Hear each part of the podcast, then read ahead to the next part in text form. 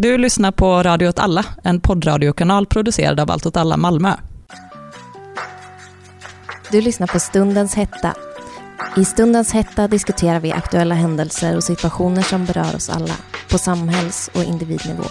Följ oss på sociala medier och stöd vår verksamhet genom patreon.com snedstreck Malmö.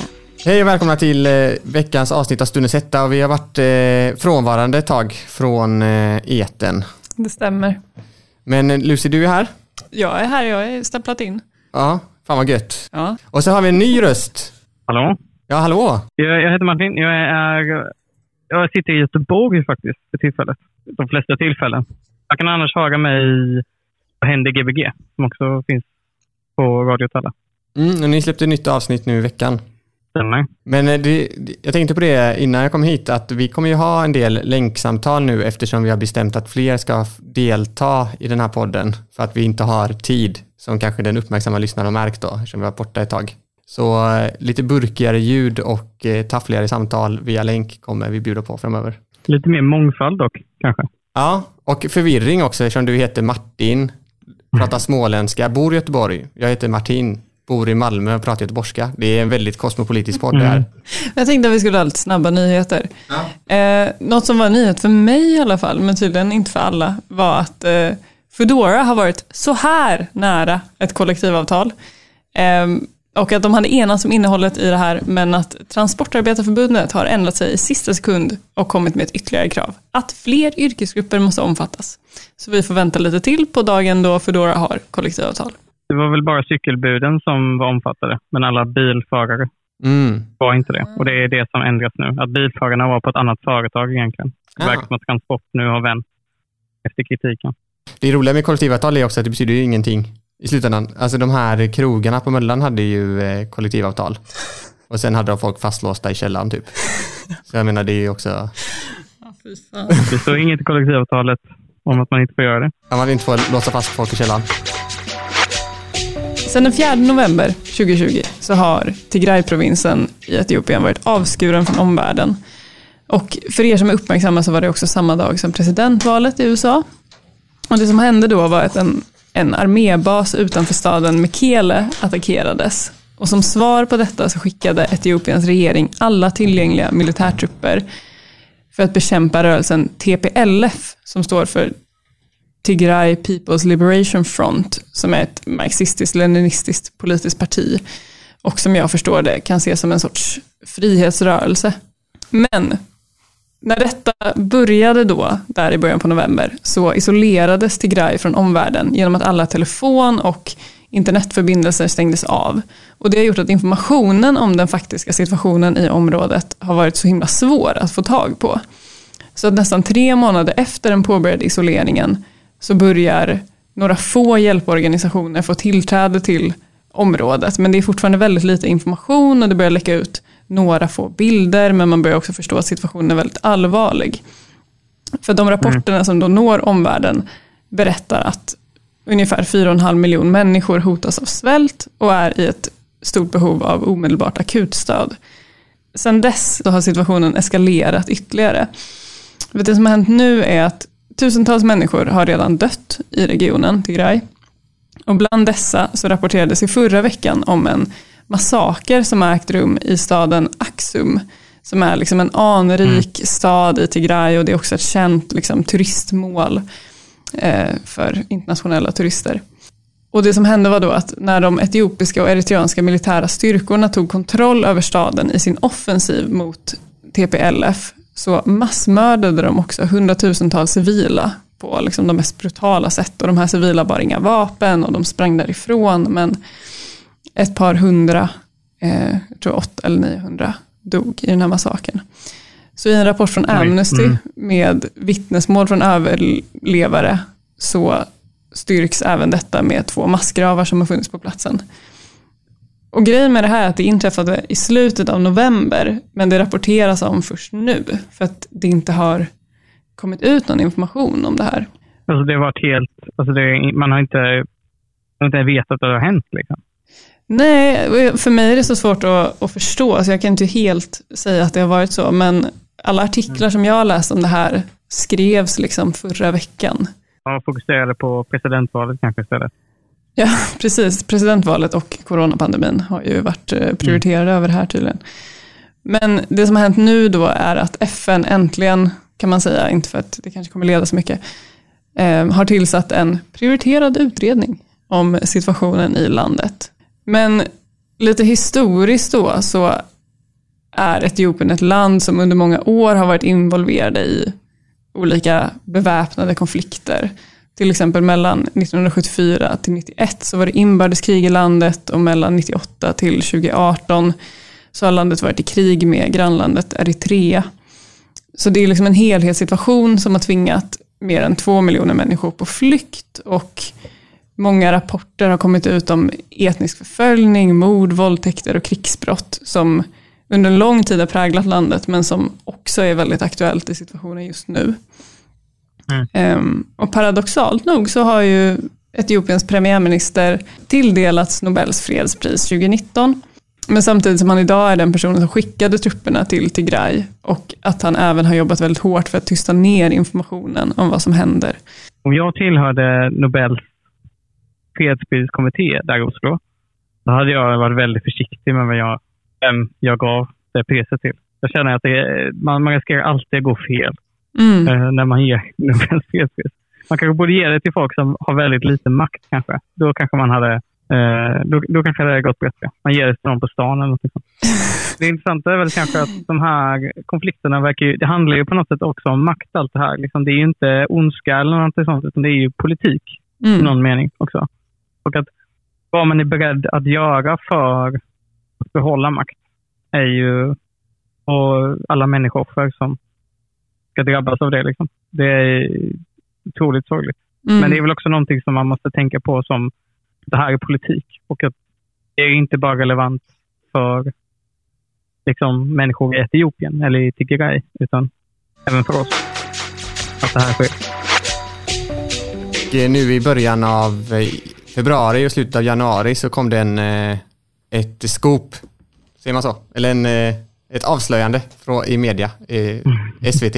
Gossip. Ett gossip. eh, där det framkom att i sju regioner i Sverige så hade olika chefer gått före vaccinköerna. Eh, istället, och de var inte sjuka liksom, utan det var eh, bara att de gött med vaccin. Kan man åka till Åre och så med bättre samvete. Jobbar de inte inom vården? De var chefer inom vården absolut, men de jobbar ju inte på golvet Ja. kanske. Eh, jag vet dock eh, från en källa i att i en stad i södra Sverige så var det också en eh, chef som eh, fick vaccinet. Eh, och den här hen sa att, hen möter faktiskt folk ibland, vilket inte är sant. Men i alla fall, så det, det finns anledning att chefer också har, får vaccin då. Men det för oss in på frågan om korruption. Just det. Och, eh, ja, för jag har ju eh, vissa band till ett land i södra delen av världen som heter Argentina. Och Argentina är lite som ett Italien på schack, så att allting italienskt där är liksom Ja, men det är som Italien fast det är mycket värre. Så, så man tänker att det tar tid i Italien att stå i kö. Alltså typ om man ska till, från flygplatsen och väntar i en kö så förstår man ingenting i Italien. Och det tar kanske en timme. Om Argentina då så förstår du ingenting och det tar fyra timmar. Det är liksom det är relationen Argentina-Italien. Alltså, alltså Italien på schack låter ju som eh, det, det låter ju, låter ju som en fantasi. Det är helt absurt att tänka sig att det skulle finnas något värre än Italien. Ja, det är ett himmelrike Argentina helt enkelt. Det, om det är det du menar. Ja. Men i alla fall, eh, och, och, och i Sverige så är man alltid så, här, så jävla nöjda med eh, en sak liksom. Det kan gå dåligt i Sverige. Det kan vara, det kan vara kast, men någonting är vi inte och det är att vi inte är korrumperade. Här gör vi rätt för oss. Eh, och alla de här indexlistorna så kommer Sverige väldigt högt. Vi kommer på typ fjärde plats i världen på att vara minst korrumperade. Argentina är på plats 106 tillsammans med prominenta nationer såsom Vitryssland. Eh, och korruption, vad är det då? Korruption är ju massa olika saker. Det, när man tänker på korruption så tänker man ju typ på att man eh, ger några hundralappar extra för att någonting ska gå snabbare eller att man kanske kör för fort och så kan man istället för att betala böter till polisen så ger man polisen pengar. Eh, och de gånger jag varit i Argentina så har jag också hamnat i sådana situationer eh, med min familj där man flera gånger har blivit stoppade i poliskontroller och sånt och så kanske de vill ha eh, 100 eh, dollar liksom, för att släppa en vidare. Men så brukar min morsa då, eftersom hon är så pass grym, eh, brukar ta, tala sig ur det här. Eller när vi fick någon bilstereo snodd så ville polisen då ha 100 dollar för kopian på anmälan som vi ska skicka till försäkringsbolaget. Eh, som han skrev på väldigt dålig spanska på en skrivmaskin. Men det fick han inte. Men ja, det, det är liksom den vanliga typen av korruption. Men det finns ju annan typ av korruption. Det finns ju det, någonting man pratar om i sammanhanget, till exempel klientelism, eh, som också är stort i Argentina och det är att eh, politiker eh, eh understödjer vissa grupper, politiska krafter eller eh, liksom boende ett visst område och på det sättet får deras röster. Liksom. Så att då, då vet ju de här boende, om vi röstar på den här kandidaten då kommer vi få de här bidragen till exempel. Mm. Eh, och i Sverige då, det här icke-korrumperade landet, så har det varit vissa gånger man pratar korruption och det är ju Göteborg, en fantastisk vackra stad, mm. där det var den här stora mutskandalen 2010, eh, där det kom fram liksom att politiker och näringsliv hade haft väldigt nära band och folk hade fått ombyggda saker väldigt billigt och det varit hit och dit. Eh, det är, det är en del av vår kultur. Ja, det är en del av Göteborgskulturen och det finns en sån ja. eh, frid över hans namn, men eh, Göran Johansson eh, fick avgå förra starka mannen i Göteborg så eh, blev jag intervjuad i GP och då sa han ju det att det var ju mycket lättare att fatta beslut de gjorde i bastun över en handslag. Liksom. Mm. Så ja, mm. och så är det ju. Han gjorde mycket bra. Det är det sköna här. Det, det är det sköna i Göteborg. Men mm. eh, det finns ju också en annan typ av korruption i Sverige. Och det är ju eh, den här klassiska svenska korruptionen som inte är bestickning då, som det heter, man får direkta mutor eh, för en tjänst, utan det är eh, att istället så eh, får man Eh, till exempel som en lokalpolitiker då så kan man till exempel fatta ett beslut om att eh, ja men eh, fan det här företaget borde verkligen få köpa den här tomten. Eh, eller det här företaget borde verkligen etablera sig här och så whoops, när den politikerns period är slut så får man anställning på det företaget. Det är den svenska typen länge... av korruption. Eh, den klassiska är väl... Mm, men det som eh, det som sker nu i Sverige då, förutom den här liksom vaccinkorruptionen, det är ju att eh, i upphandlingssystemet, allting på kommunal nivå ska upphandlas, typ från stolar till barnbespisning till eh, eh, olika sjukvårdstjänster.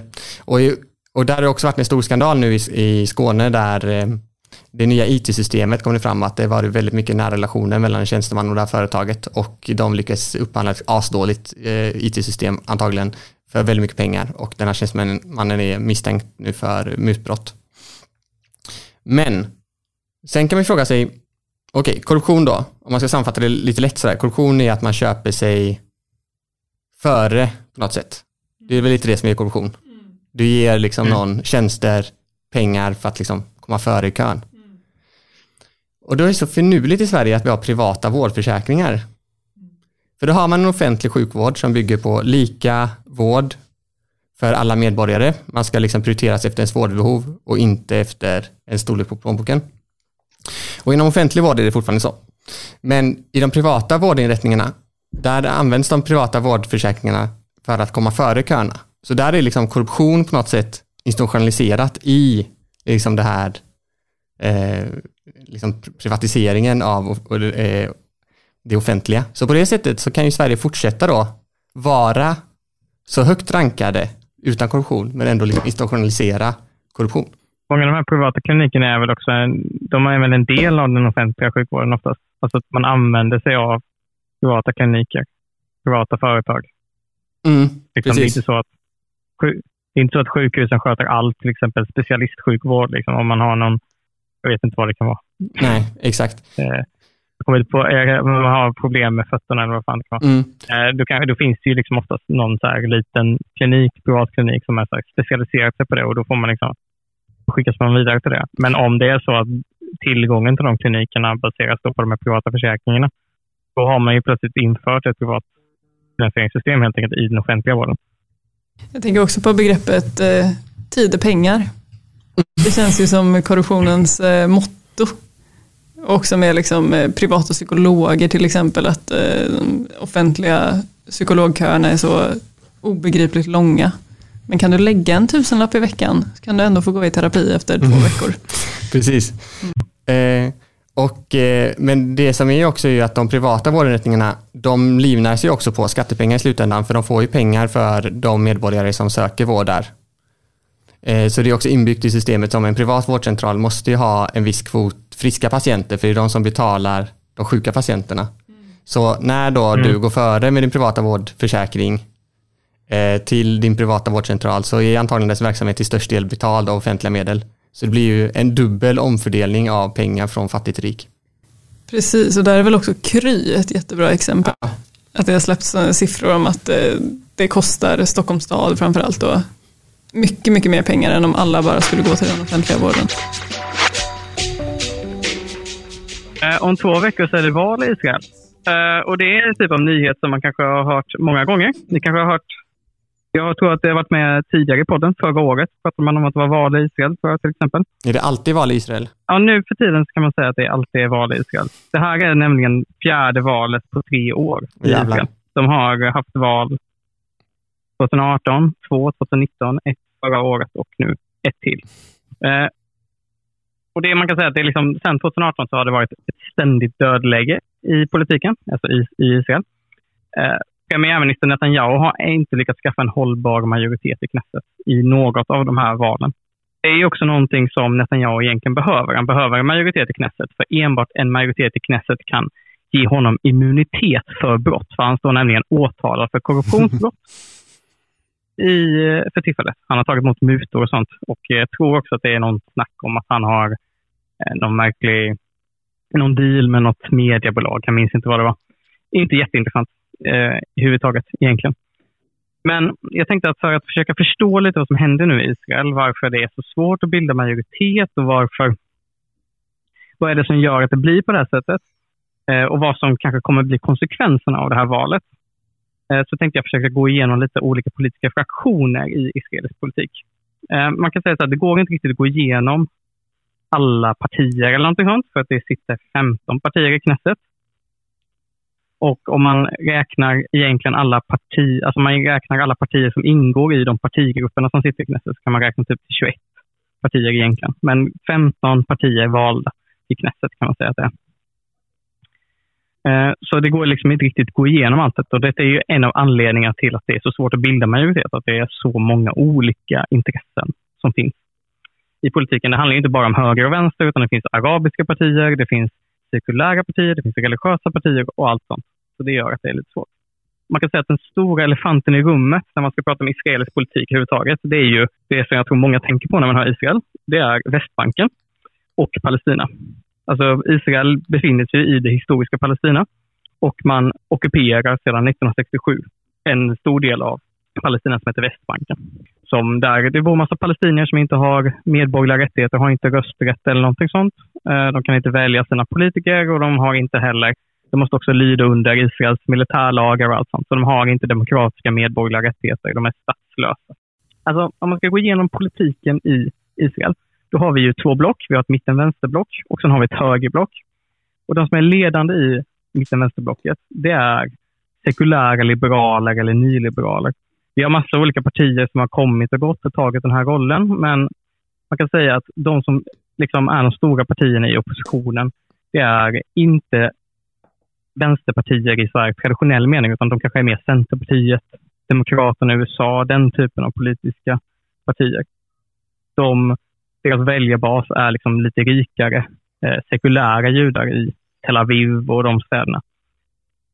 Och de, det som liksom var deras stora politiska projekt förut, det som gjorde att de kunde vara ledare för någon form av vänsteropposition eller något sånt, det var att de var för en tvåstatslösning, det vill säga de vill att Västbanken ska kunna bli en egen palestinsk stat eh, och vill ha fred med den här Västbanken. Men de vågar inte ens driva de frågorna längre kan man säga. För att eh, det är liksom ingen i Israel nu som tror på tvåstatslösning. Det är ingen som på riktigt tror att det kommer bli fred mellan två stater. Det är liksom en ganska cynisk inställning till allting. Och det är liksom inte ens de som är för en tvåstatslösning tror på en tvåstatslösning. Så det man egentligen gjort är att man har liksom bytt projekt till att bli, de är motståndare mot Netanyahu och det är vad de sekulära liberalerna, nyliberalerna har för politiskt projekt. De är höger ekonomisk politik och i alla andra frågor så är de egentligen bara emot Netanyahu. De vill bli av med Netanyahu. Sen har vi liksom vänsterpartier och så vidare, sionister, folk som vill ha tvåstatslösning, men de är liksom helt utspelade i Israel idag. Förut så var det liksom Socialdemokraterna som var det stora partiet. Men de är liksom, vad vi kallar det, pasokifierade kan man säga. De är helt utdöda. Det är ingen som röstar på dem längre i princip. Och så har man lite andra vänsterpartier. Det som kanske är mest intressant i vänsterblocket är egentligen något som kallas för Förenade listan. Och det är en koalition av partier med arabisk väljarbas kan man säga. Det ledande partiet i Förenade listan är Khadash, som är en sammanslutning av Israels kommunistparti och andra sociala rörelser. Så de är liksom ledande i den här koalitionen. Och De har liksom traditionellt utslutits från politiskt inflytande. Men nu så har de börjat ställa sig bakom olika typer av oppositionskandidater till Netanyahu. För deras politiska projekt är att bli av med Netanyahu. Men liksom vänstern i Israel, de är utspelare. De är liksom förmodligen chanslösa i det här valet som kommer nu. De kommer inte, finns inte, jag tror inte att det finns överhuvudtaget en chans att de kommer kunna ta makten. Varken vänstern eller de här sekulära, liberala partierna. Däremot är det fortfarande svårt att bilda regering i Israel. Och det är för att den stora konflikten i Israel idag kanske inte är den mellan vänsterblocket och högerblocket, utan anledningen varför Netanyahu inte kan bilda regering är för att det är en stor konflikt i högerblocket självt. Vi har liksom massa olika partier. Vi har religiösa partier och sånt i högerblocket som ingår. Men den stora, kan man säga, politiska dragningskraften i högerblocket, det är mellan Likud, som är Netanyahus parti, det här stora högerpartiet som försöker samla hela högen, sen mellan olika partier som är, vi kan kalla för religiösa sionister eller nationalister. Så det är de som företräder bosättare på Västbanken först och främst. Och de vill att Israel ska annektera Västbanken, alltså göra Västbanken till en del av landet Israel. Och vad som händer med de här palestinierna, det är lite oklart. Det finns lite olika lösningar på det. Det finns de mest radikala elementen kallar vi för kahanism eller någonting sånt. Så det är kan man säga, någon typ av judisk högerextremism, identitär, alltså vit makt, fast med judisk makt utgångspunkt istället, kan man säga. Och de, de liksom har, Netanyahu har ett samarbete med de här partierna. Han liksom har de här partierna som grund. Han lovar dem om och om igen att han ska annektera delar av Västbanken eh, med militären, göra den del till staten Israel, men han gör inte riktigt det. Han har liksom aldrig infriat riktigt de här löftena som han ger till de här partierna. Utan istället så har vi det här dödläget då Västbanken bara fortsätter vara ockuperat som det har varit sedan 1967. Det är rätt deppigt för det känns ju också som att det är lite samma på andra sidan eh, muren, alltså i de palestinska områdena. Ja. Att, det att de politiska rörelserna där eh, som har varit, funnits innan också håller på att dö. Liksom. Det är väl det som har hänt. Alltså jag är ingen expert på Palestina, ska jag säga. Men jag tänker att det som händer väldigt mycket i Palestina är att de politiska projekten som har liksom haft eh, som har liksom varit, gjort sig själva till representanter för palestinier har ju misslyckats. Mm. De har ju hamnat i en skitkonstig situation. PLO, de styr i Västbanken genom den palestinska myndigheten, men de anses ju vara korrupta. Och faktiskt, som vi kommer, jag kommer att prata lite om, är håller, det finns liksom snack om det verkar inte som att de har dementerat det riktigt, riktigt som är att palestinska myndigheten är intresserade av att försöka hjälpa Netanyahu att vinna valet. Av olika anledningar. Jag kommer gå in lite på det. För att man kan säga så här att de här religiösa sionisterna, nationalisterna, de har en liten konstig relation till Netanyahu. De vill samarbeta med honom. De liksom vill driva honom till höger, men han, Netanyahu är liksom en maktpolitiker av rang. Han håller inte alltid sina löften. Eh, inte minst var det den förra personen som satt i regering med Netanyahu nyligen, Benny Gantz, som ledde ett av de här sekulära liberala partierna. Netanyahu hade lovat honom, Benny Gantz, då, att Benny Gantz skulle få bli premiärminister, men det var ett löfte som han aldrig höll. Eh, utan istället så liksom fortsätter Netanyahu att vara premiärminister. Eh, han spelar liksom ut alla sina eh, han spelar ut sina motståndare och koalitionspartner hela tiden. De enda han riktigt sam, verkligen, verkligen samarbetar med är ju de riktigt religiösa partierna. För att de har liksom ingen riktig lojalitet till honom. Och på grund av att Netanyahu liksom har haft den här vad ska man säga, maktkoalition, maktspelet och han är liksom den här stora maktspelen i Israel, så har det skett en splittring kan man säga i Likud. Alltså det finns en person som heter Gideon Saar som är kan man säga, en tidigare minister. Han var inrikesminister och utbildningsminister förut. Han försökte utmana Netanyahu om partiledarposten i Likud. Han misslyckades med detta. Så splittrade han nu Likud. och Mm. bildade ett nytt namn. Eller ett, han bildade ett nytt parti med det Star Wars-inspirerade namnet Ett nytt hopp. Eh, det är faktiskt namnet för Star Wars på hebreiska. Alltså det är exakt samma namn Mm. för, som eh, den fjärde episoden. De utmanar Netanyahu från höger. Och man kan säga, men det här nya partiet, Ett nytt hopp, alltså de vill annektera Västbanken. Alltså de kommer från höger och utmanar Netanyahu. Det fanns, nu ser det inte riktigt ut så längre, men förut såg det ut som att de skulle kanske vara lika stora till och med som Likud i opinionsmätningarna. Alltså de utmanade honom att bli det största högerpartiet. Och de, liksom, de, de företräder klassisk högerposition kan man säga. De vill annektera Västbanken. De vill också försvaga Högsta domstolen då, som man anser är liberal, vänster, tycker att arabiska medborgare i Israel har lika många rättigheter som judiska medborgare, bla bla bla. bla. Vilket man är emot. Och det visar sig som att liksom, man från de här eh, mittenpartierna, sekulära liberalerna, då vill man bli av med Net- Netanyahu. Från vänstern vill man bli av med Netanyahu. Från arabiska partierna vill man bli av med Netanyahu. Och från högern vill man bli av med Netanyahu. Alltså valet tycks handla egentligen om Netanyahu. Alla vill bli av med honom. Trots detta så är han fortfarande den mest populära politikern i Israel. Så det finns en konstig, det är en väldigt konstig relation just nu. Folk tycker om honom, men det verkar också som att folk i allmänhet är ganska trötta på honom. Han har ju ändå styrt landet sedan 2009. Liksom. Och det är liksom Netanyahu själv som gör det svårt att bilda regering. Mm. Samtidigt som det här händer så märker vi ändå att Israel bara går åt mer och mer och mer åt höger. Liksom. Så om Netanyahu förlorar makten just nu så kommer det förmodligen inte vara för att vänstern slår honom, utan kommer vara från högern istället. Att högern utmanövrerar Netanyahu.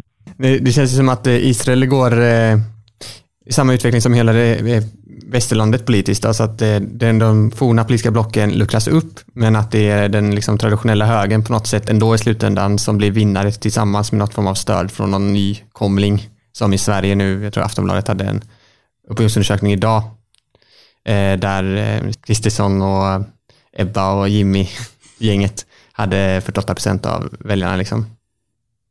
Men samtidigt så har ju liksom resten av det politiska landskapet trasat sönder. Ja, alltså, det är ganska analog med liksom, det som händer i Polen eller Ungern kan man säga. Mm. För det handlar inte bara om liksom, Västbanken, palestiniernas rättigheter där. Det handlar faktiskt om arabiska medborgare i Israel. För det finns ju en hel del, cirka 20 procent av Israels befolkning är ju araber. Antingen palestinier eller andra typer av araber. Eh, de kan man säga det finns ju en strid kring, ska Israel vara en stat som bara är till för judar? Och då menar man ju politiska rättigheter, till och med kanske rätt, rätten till välfärd, ska den vara grundlagsskyddad för lika liksom, för araber och judar? Och så, den typen av diskussioner finns inom högerblocket. Alltså man tycker inte riktigt att araber är likvärdiga medborgare som judar.